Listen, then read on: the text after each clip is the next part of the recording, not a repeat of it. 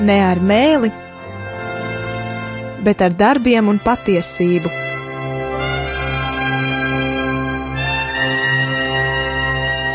Atvērsim svētos rakstus un studēsim kopā.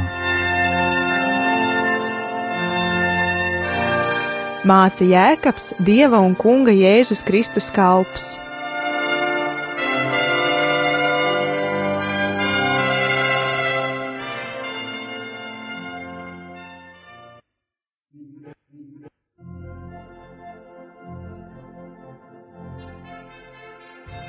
Slavēts Jēzus Kristus, mūžīgi studijā Stela, un Anžela.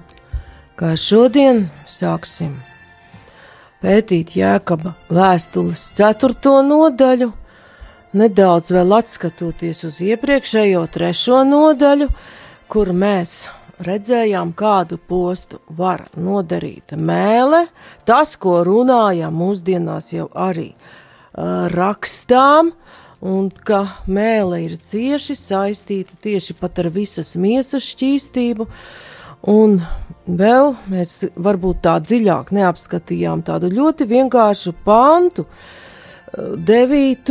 trešajā nodaļā, ka ar viņu mēs slavējam to kungu un tēvu, ar viņu mēs lādam cilvēkus pēc dieva līdzības radītus, un šī doma tā gāja līdz, līdz pat šim raidījumam, tad ko tad mums darīt, lai mūsu slavēšanu kaut kur nepārtrauc šī citu cilvēku lādēšana?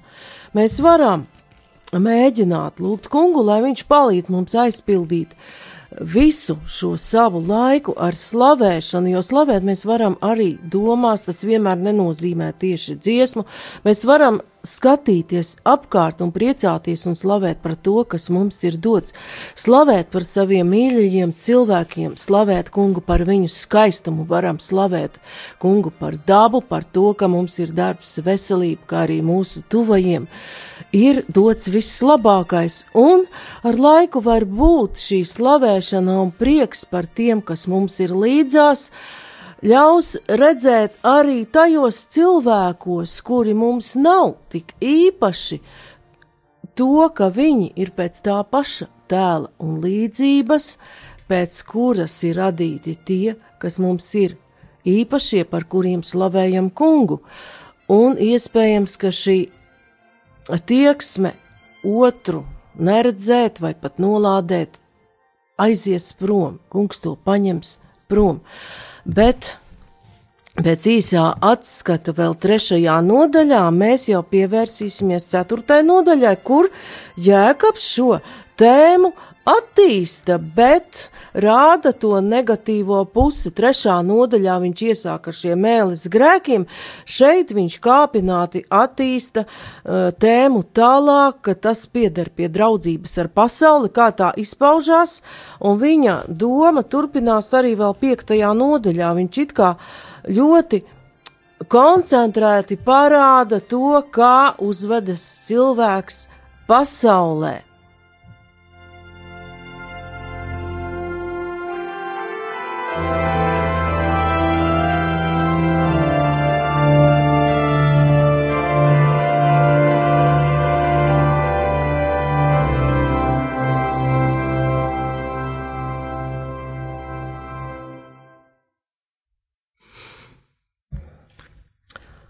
Jēkabs uzdod mums katram tādu kā jautājumu, par ko mēs šodien arī brīnamies, no kurienes kari, no kurienes cīņas jūsu starpā, vai ne no turienes, no kārībām, kas cīnās jūsu locekļos, jūs iekārojat un jums nav. Jūs slepkavojat un skaužat un nevarat iegūt, jūs cīnāties un karojat. Jums nav tāpēc, ka jūs nelūdzat Dievu. Jūs lūdzat un nedabūjat, tāpēc, ka ar ļaunām sirdīm lūdzat, lai to šķiestu savās kārībās. Un te uzreiz rodas jautājums, vai Jēkabs ir tā skatījies globāli par tiem kāriem un par to, kas risinās cilvēku sabiedrībā līdz mūsu dienām, vai viņš ir domājis kaut ko citu.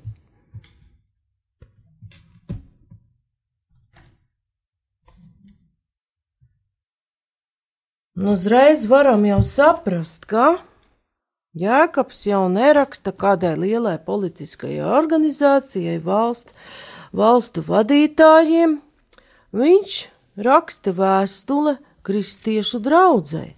Tā tad, acīm redzot, tādi kari un cīņas un savstarpējas nesaprašanās un cīņa par varu notiek uh, pat kristīgā kopienā, jo cilvēks jau ir un paliek pirmgrēks skārts. Uz to varam redzēt norādi arī, kas cīnās jūsu locekļos, jo netieši varam saprast, ka tā draudzene un arī baznīca viņa ir Kristus miesa ar dažādiem locekļiem, kuriem vajadzētu harmoniski sadarboties. Un, kā kādreiz tēvs Smelters teica, Kristus baznīca ir svēta, bet tā sastāv no grēciniekiem, arī toreiz tas tā ir bijis, un katrs atsevišķais cilvēks nevienmēr var būt tik svēts, kā kungs vēlētos. Jēkabs pievēršas tieši šai tēmai. Un mēs redzam to, ka viņš atrod arī šo karošanas un cīņas cēloni. Grieķu valodā viņš ir lietojis tādu kara terminoloģiju, kas jaunajā derībā nebūtu nav sveša, Šo kara un cīņas terminoloģiju labprāt lieto arī apustulis Pāvils, kā viņš runā par pestīšanas bruņu cepuru un taisnības bruņām. Tāpat Pāvils lieto arī sporta terminoloģiju, tātad Jēkabs ir rīkojies līdzīgi, lai tā laika viņa lasītājiem viņa teiktais būtu saprotamāks. Nu, jā. Arī Pāvila vēstulē romiešiem ir teikts, ka Es lieku jums pie sirds, brāļi, ņemiet vērā tos, kas rada šķelšanos un pretestību tai mācībai, ko esat mācījušies, vairieties no viņiem. Tādi cilvēki nekalpo mūsu kungam Kristum, bet savam vēderam un ar saviem saldajiem vārdiem un skaistajām runām pieviļ vientiesīgo sirdis. Paldies! Tātad apustulis Pāvils raksturo šo lietu jau dziļāk un, un parāda to, kā šādas saldas runas ieved ieļaunojumā arī citus. Un Pāvils, vē, Pāvils daudz ko par Jākabu teikto paskaidro arī vēstulē romiešiem. 16. nodaļā, 17. un 18. pantā kur viņš raksta. Tieši to jau tu nolasīji. Tā tad es gribēju jau atkārtoties, paldies par šo lasījumu, un šeit ir kā rada šķērs šķelšanos un pretestību tai mācībai, ko esat mācījušies. Un saldie vārdi, kas tas ir un kāpēc tas tur ir.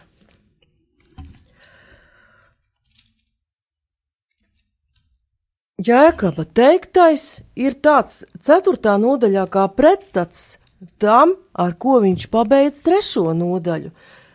Šis taisnības auglis, jeb kā vēstulē galotiešiem, tas ir gara auglis, kas norāda uz tādu cilvēku, kas ir vienots sevī, viņā ir apvienojušies dažādie tikumi, un tas ir vienots harmonisks cilvēks pēc kunga līdzības, kurā vairs nav šīs iekšējās cīņas. Viņas gan ir, bet cilvēks tomēr kopjot šos tikumus un dzīvojot garā, šīs cīņas pārvar, un tās tieksmes vairs nevalda pār viņu. Bet tajā, par ko runā Jēkabs, 4. nodaļas sākumā, un arī apustulis Pāvils, ir redzama situācija, ka tās kārības cilvēkā katra rauj viņu uz savu pusi, kā pazīstamajā fabulā vēzis, līda kā gulbis un vēl tur kāds dzīvnieks vai putns bija. Cilvēks izdomā pats savas labsajūtas, viens grib tīrumu, cits māju, cits vēl amatu, un līdz ar to cilvēku starpā norit šī cīņa par savām interesēm, un cilvēkā cīnās šī miesas un gara tieksme. Un tieši Pāvila vēstule romiešiem ir teikts, ka jo miesas cilvēki tiecās pēc miesas lietām, bet gara cilvēki pēc gara lietām. Miesas tieksme ved nāvē, bet gara tieksme uz dzīvību un mieru. Jo miesas tieksme ir naidā ar Dievu, tā neklausa Dieva bauslībai, jo tā to nespēja. Miesas cilvēki nevar patikt Dievam, bet jūs neesat miesā, bet garā, tik tiešām, kā Dieva gars mīt jūsot. Bet ja kādam nav Kristus gara, tas nesp... nepieder viņam. Paldies! Kā mēs varam saprast, kā tad izpaužās šī tiecība uz draudzību ar pasauli vai arī dzīve garā? Viens no tādiem aspektiem varētu būt, ka Dieva gars pieprasa paļāvību uz Dievu, uz viņa vadību, taču cilvēks, kas dzīvo pasaulīgā garā un draudzējas ar pasauli, vēlas visas lietas nokārtot pats. Un tas dažkārt var parādīties pat kristiešu kopienā, kristiešu vidū, kā risināt kādas problemātiskas situācijas, no kurām varbūt vienkāršākā ir un tāda izplatītākā, ka gan mums personiski, gan uh, pat baznīcai vai draudzē kā kopienai var gluži vienkārši pietrūkst finanšu kādām lietām jo arī paliek mazāk cilvēku. Kā to risināt? Tikai un vienīgi ar kādiem pasaulē pieņemtiem mārketinga paņēmieniem, sākt nodoties biznesam vai arī tomēr vērsties pie kunga un lūgt viņa padomu, viņa vadību un apredzību un paļauties uz viņa risinājumiem, kuri atnāks īstajā laikā, īstajā vietā un tajā veidā, kāds katram konkrētajam cilvēkam vai kopienai ir vislabākais. Bet šeit mūsdienu cilvēkam, kas ir dažādu uh, reklāmu un teoriju ielēgts, tieši šī paļāvība ir, var teikt, gandrīz nepaceļams akmens. Tieši paļāvība, uh, mums visiem ir tas, kas ir visgrūtāk īstenojams, paļauties uz to, ko mēs īsti nevaram rokām sataustīt, nevaram saskatīt, vai tiešām būs, vai viņš pildīs to, ko ir solījis, un vai tiešām viss nepieciešamais mums tiks dots, tās lietas tiks, kā Mateja evaņģēlijā teikts, piemestas īstajā laikā. Ka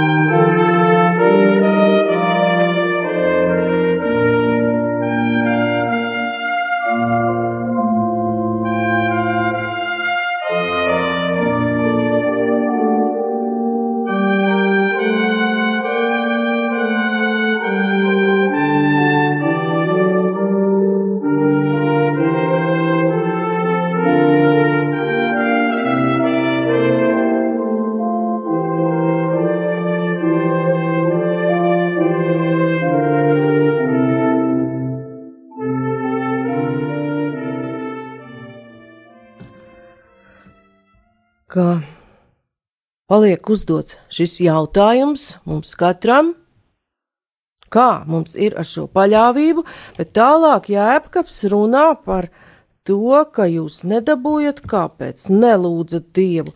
Trešais pāns it kā pretruna, jūs lūdzat un nedabūjat, bet jēkabs arī paskaidro tādu interesantu lietu, no kuras mēs secinām, ka var dažādi lūgt, un Jēkabs saka, ka nedabūja tāpēc, ka ar ļaunām sirdīm lūdzat, lai to šķiestu savās kārībās. Tā tad var saprast, ka arī lūkšana var būt dažāda.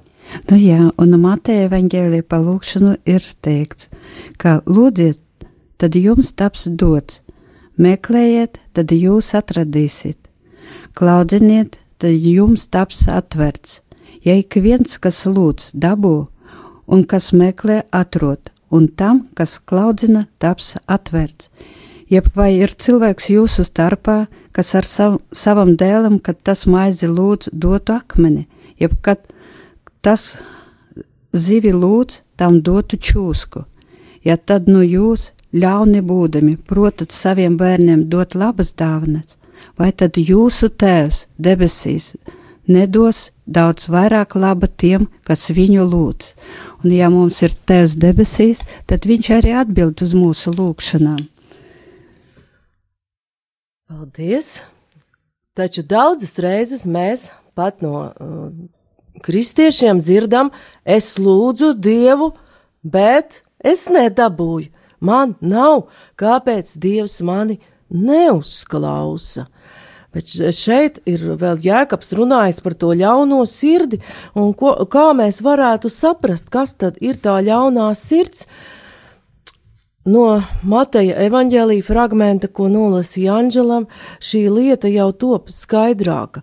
Vai mēs lūdzam saskaņā ar tēva gribu, vai tas, ko mēs lūdzam, atbilst tēva dotajam mīlestības likumam?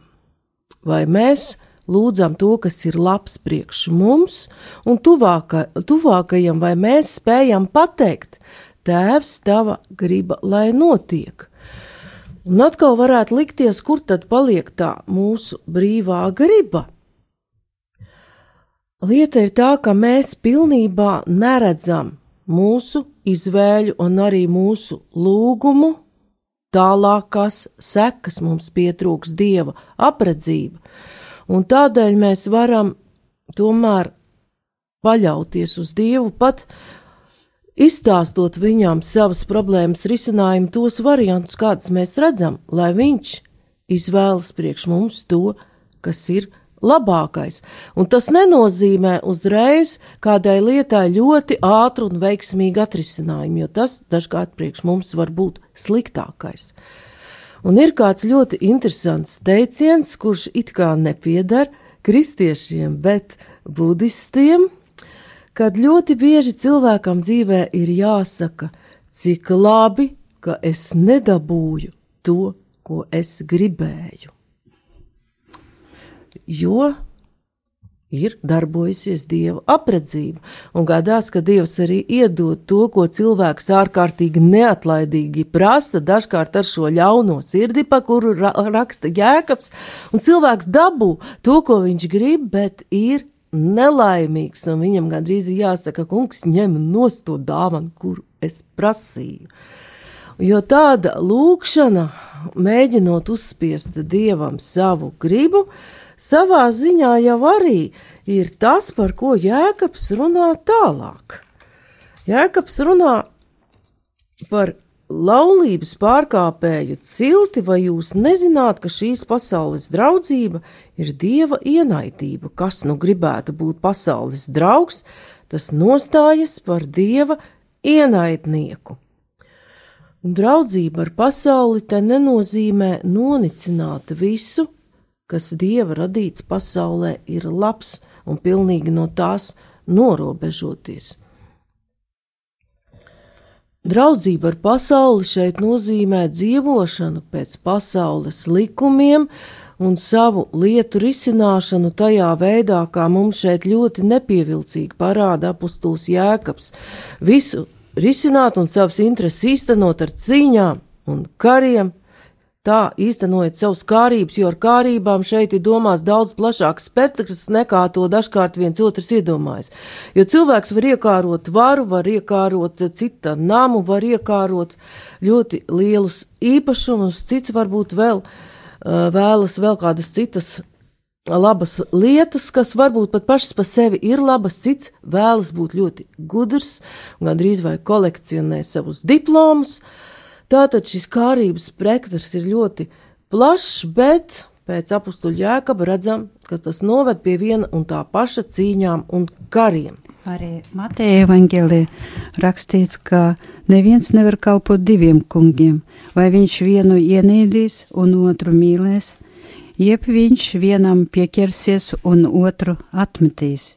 Jūs nevarat kalpot dievam un mantai. Nu, kāpēc tā? Mēs redzam pēc tā ceturtā panta, ka Jēkabs ir atsaucies uz veco derību netiešā veidā, ka ļoti bieži tur dieva tautas un kunga attiecības ir salīdzināts ar laulību. Tā tad, nu, tu nevari būt laulāts ar dievu un ar mantu, nu, vai nu ar vienu vai ar otru.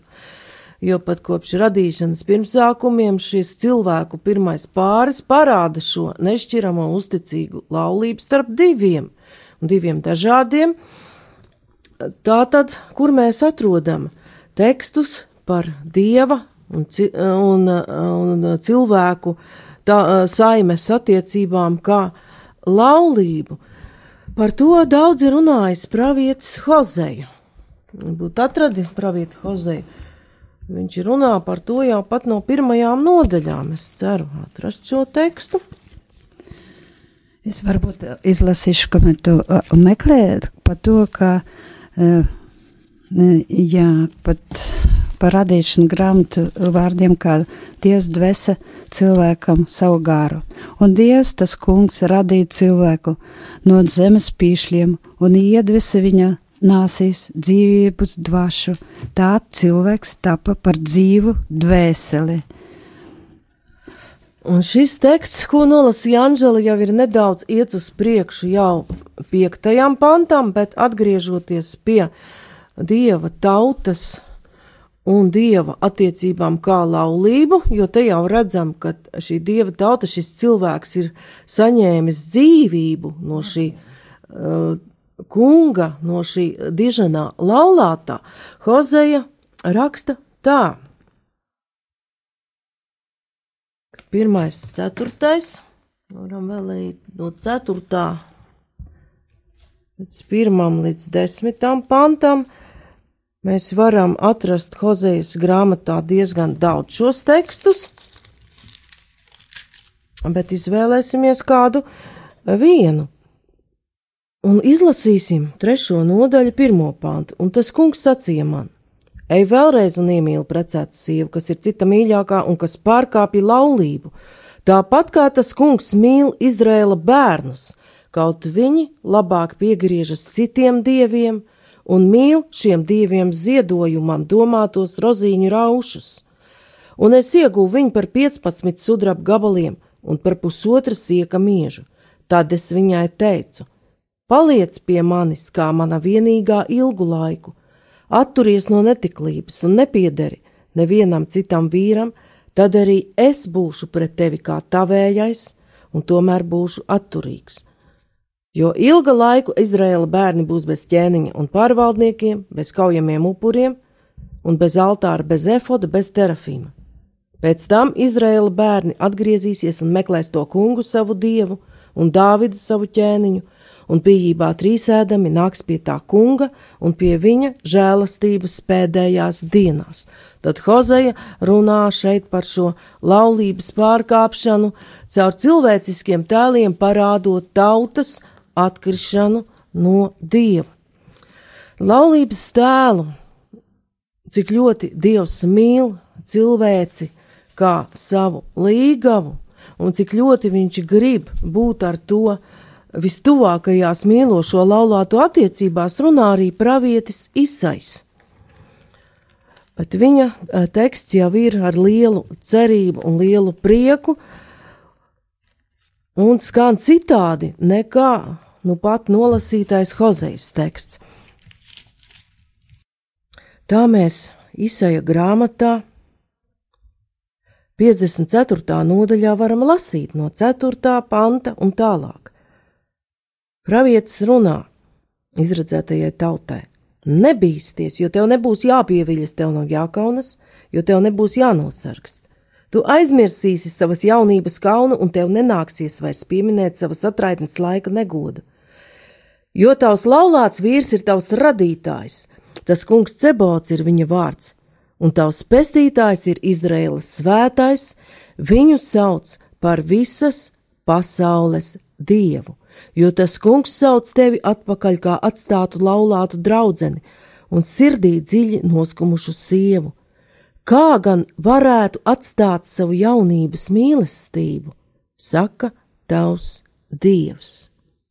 Tad šeit Isais runā par šo dieva ļoti dziļo mīlestību uz cilvēci, uz visu cilvēku saimi, un šis teksts jau uh, daļēji aizved mūs pie Anģeles noraks, nu, nu, nolasītā radīšanas aprakstu, ka šis tēvs radītājs ir devis cilvēkam savu elpu, un tālāk jau varam iet pie šī piektā panta, kurš latviešu tulkojumā parāda tādu pavisam citu nozīmi, pat nesaprotamu.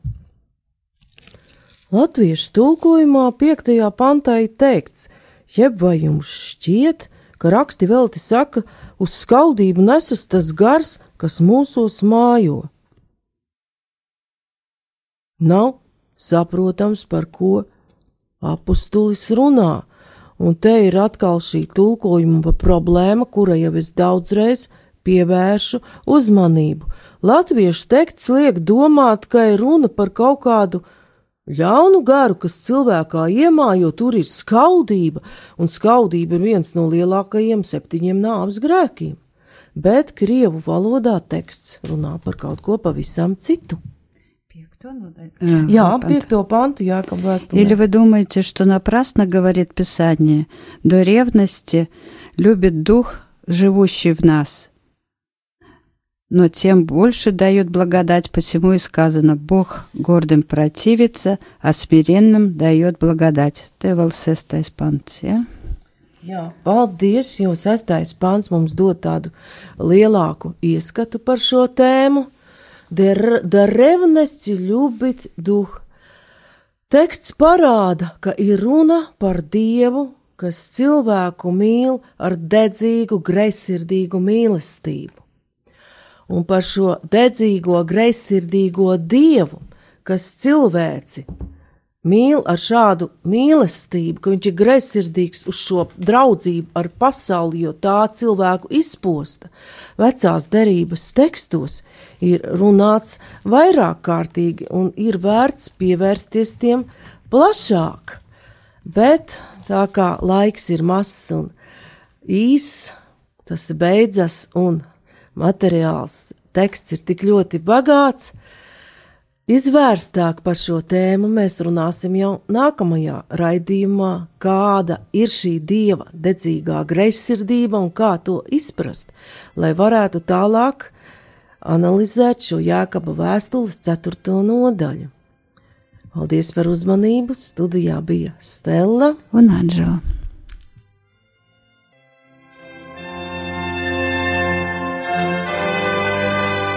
Izskanēja raidījums. Ne ar mēli, bet ar darbiem un patiesību